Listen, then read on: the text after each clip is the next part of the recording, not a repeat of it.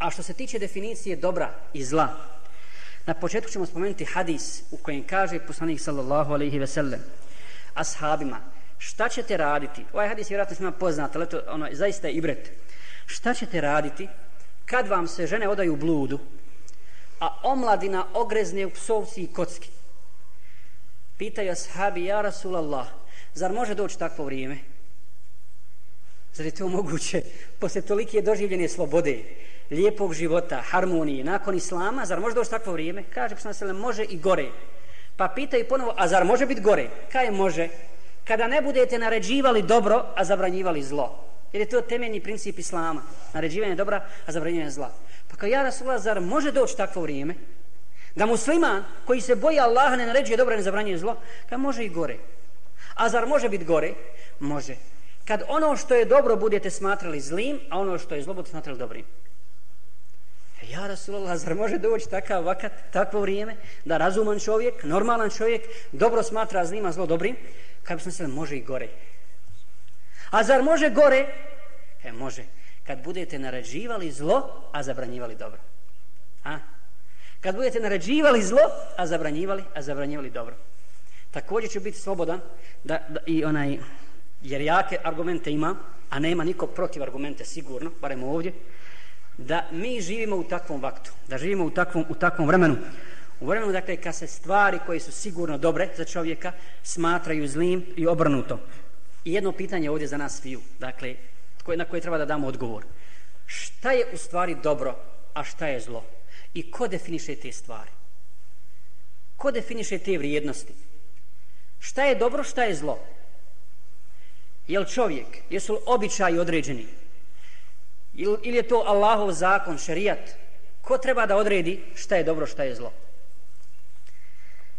Svakako da Allah subhanahu wa ta'ala određuje i da je odredio šta je za čovjeka dobro, šta je zlo. I to će ostati tako do sudnjega dana, jer je Allah stvorio čovjeka i zna šta mu treba, zna šta je za njega dobro, a šta je zlo. Ako bismo običaje uzeli kao mjerodavne, da oni određuju i da se na osnovu njih mi određujemo u svim generacijama šta je dobro, šta je zlo, a mi smo to uzeli, većina svijeta danas je to uzela, onda pogledajte kakav haos nastane. E onda dobro postane zlo i zlo postane dobro. Jer mnoge stvari su jučije bile zle. Prije dvije generacije ljudi kad su, koji su bili, ili prije tri, da si upitao šta misle o homoseksualizmu, ubili bi te kad čuju za tu stvar, a kamo da vidi takvog, takvog zlotvora u svom, u svom društvu. I takvu devijaciju i takvu pojavu. Međutim, ta stvar je danas postala dobra. Jel? Ona nikad neće postati sama po sebi dobro. Ali kako oni posmatraju slobodu, kao jas, to je sloboda, pa makar bilo i zlo neki čovjek radi. Ali nećemo kazati da je dobro, ali je postala normalna. Postala je dakle normalna i niko je ne zabranjuje. Niko je ne zabranjuje. To je dakle, prešla je onu granicu. Jer u islamu je naređeno da se zlo zabranjuje. Zlo se mora zabraniti. Ali pošto to ne smatra zlom, onda se, onda se i ne zabranjuje. I ne samo to, nego ta, to zlo može čak uticati na nečiju reputaciju. Ako danas kandidat na predsjedničkim izborima ili na izborima inače u nekoj državi ima negativan stav o homoseksualcima, šta mislite koliko će stotina hiljada u jednoj državi glasova izgubiti? Neko već ja gledam u Hrvatskoj pred izbore, pitaju onog karatistu, boksera, šta li je? Filipović onaj, Filipović, on se kandidovao u K1 boksu je tamo. Inače po, po, po onaj profesiji policajac. Ali eto on u jednoj od stranaka i kažu, pita ga ovaj kaj, pa mi smo čuli da vi imate negativan stav o homoseksualcima, odnosno homoseksualizmu. I onda se on brani, jadnik. Pa znate kaj, ja to ne volim, ali ono, ne branim nikome, svakome slobodno, moja stranka se zalaže za slobodu, za, za prava ljudska, da to ljudsko pravo. I to, dakle, to je sloboda, ne krali šta hoće. Jer ako bi to osudio, gotovo, izgubio bi na izborima. Izgubio bi, izgubio bi na izborima. Dakle, te stvari ne samo da se ne napadaju, ne samo da se ne osuđuju, nego se one odobravaju. I dakle, i masa se educiraju kako će se ponašati prema, prema, takvim, prema takvim osobama. Međutim, pojave koje su po šerijatu dobre, kako je Allah žena definisao neke stvari, da li su naređene ili su mustehab, dakle lijepe same po, sebi, same po sebi, one su danas u društvu, u društvu postale, postale nenormalne. neprihvatljive, da ne kažem zle. Pogledajte, kad se počeo pojavljivati masovno, mogli smo tako kazati, masovno u odnosu na priješnje vrijeme, na komunizam, hijab, da ne spominjemo nikab. Kakve kritike, kakvi napadi, kakvi napadi od strane društva, političara, sociologa, time se i danas bavi. Nikavom se ko fol, danas bave i sociolozi, i filozofi, i ljudi, političari i tako dalje. Time se bave i takve žene, takve žene, takve ličnosti, takve osobe nazivaju raznim imenima. Te pokretni šator, te ninja, te ovakvo, te onako. Dakle, stali napadi. Kad čovjek pusti bradu, to je zlo. To je zlo. To je haos. Čovjek, vjerujte, ljudi čak tolika, ta, to je trend. Takav je trend. Da čovjek koji ima minđuša ne može ni prebrojati koliko ima u sebi minđuša. Savi ste to viran. Ali kad sretni čovjeka s bradom, obavezno prvo mu pogleda u noge. Da vidi jesu mu skraćene pantalone. On je sav izvještačen, sav, sav demoliran. Ali prvo tebi ga da u noge. Zašto? Zato što je to za njega zlo. Odnosno nešto što je nenormalno. U šerijatu je normalno, dakle da muškarac, zbog čega? Zbog oholosti. Pa da no, sam to što nije kratko do košici. Mi imamo problema s našim roditeljima zbog toga. On juče u, u komunizmu, da mu je Tito rekao da hoda u kupačim gačicama svaki novi hodu. I to bi bilo dobro. Zato što, je, zato što obožavao tu partiju i slijepo se pokoravu.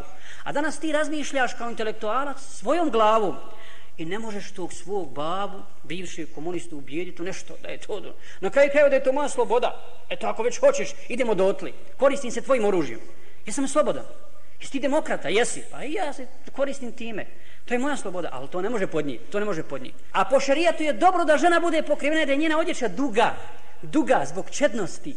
Zbog stida koji je prirodan i urođen ženama. Danas žene gole. Hodaju ili polugole. To je trend. To je dobro. To je dobro.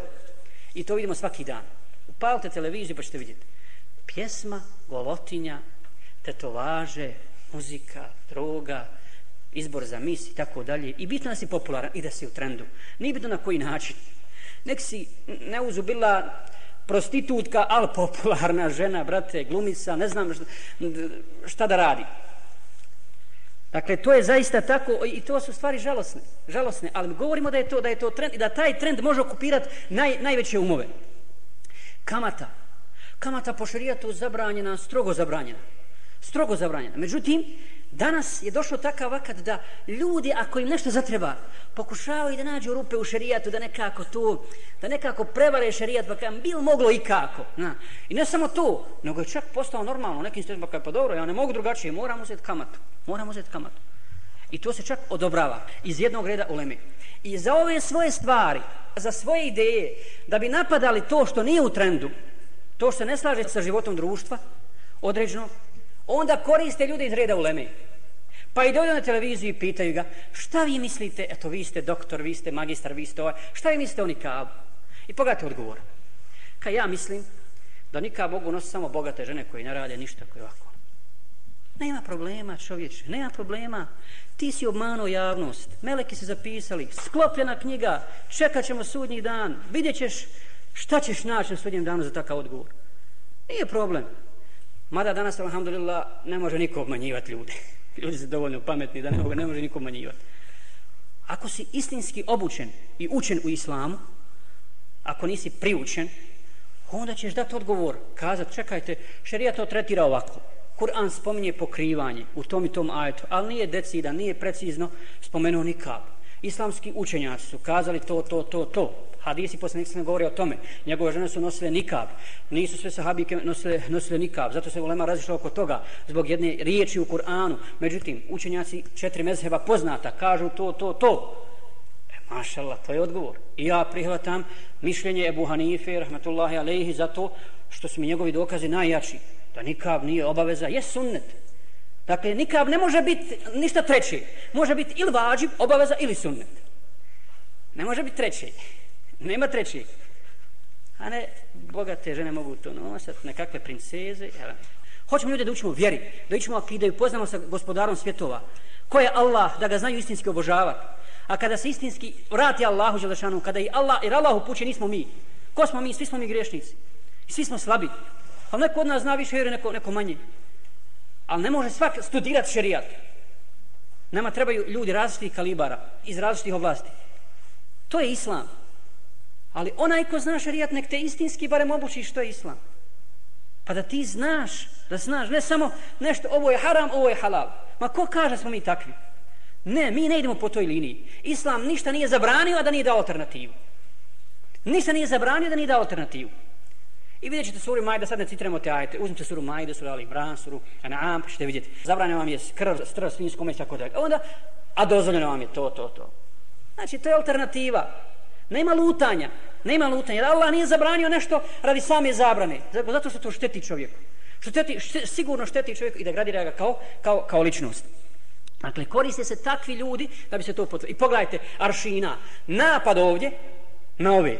A ovamo educiranje da ne bi napadali one koji su narkomani, koji su oboljeli se gdje tako. Kao da su ovi gubavci, kao da su ovi oboljeli pa i se treba odreći i tako dalje. Koji klanjaju, koji nose brade, koji se islamski ponašaju. To su aršini. Ali, alhamdulillah, bolje je sto puta da nas napadaju nego da nas žalijevaju. Bolje je, vallah. Bolje je za nas. Međutim, u tom pogledu, ja bih kazao, braćo i sestre, da je naše društvo danas, da je naše stanje u društvu, ne, ne mislim samo na Bosnu i Hercegovini, nego inače šire, gore nego stanje onih ljudi u lađi, kako je opisao poslanik sa selem. Na dva sprata, jel? Pa oni, kad im je nestalo vode, oni sa gornjeg sprata su sišli dolje, pa su naumili da probiju lađu, jel? I kaže, ako i ovi dole ne spriječe, potopit će se svi. E, ovi su gore kod nas uspjeli probiti lađu. I sada više ni kapetani, ni kormilari, bez obzira koliko su sposobni, ništa ne mogu učiniti. Sad se svako od nas bori sa svojim valom. Sa svojim, kao i kapetan, kao i kormilari. Na osnovu hadisa poslanika sa selem. Na kraju poslanika sa selem, kaj, ja nisam to spomenuo. Dakle, u takvom vremenu, kada dođe to, kada budete naraživali dobro za zlo, ni vaši najučeniji se neće moći snaći. Neće se najčini moći snaći. Dakle, sad se svi borimo sa nekakvim svojim, svojim valovima životnim koji prijeti da nas, da nas potope i da nas, da nas uništi.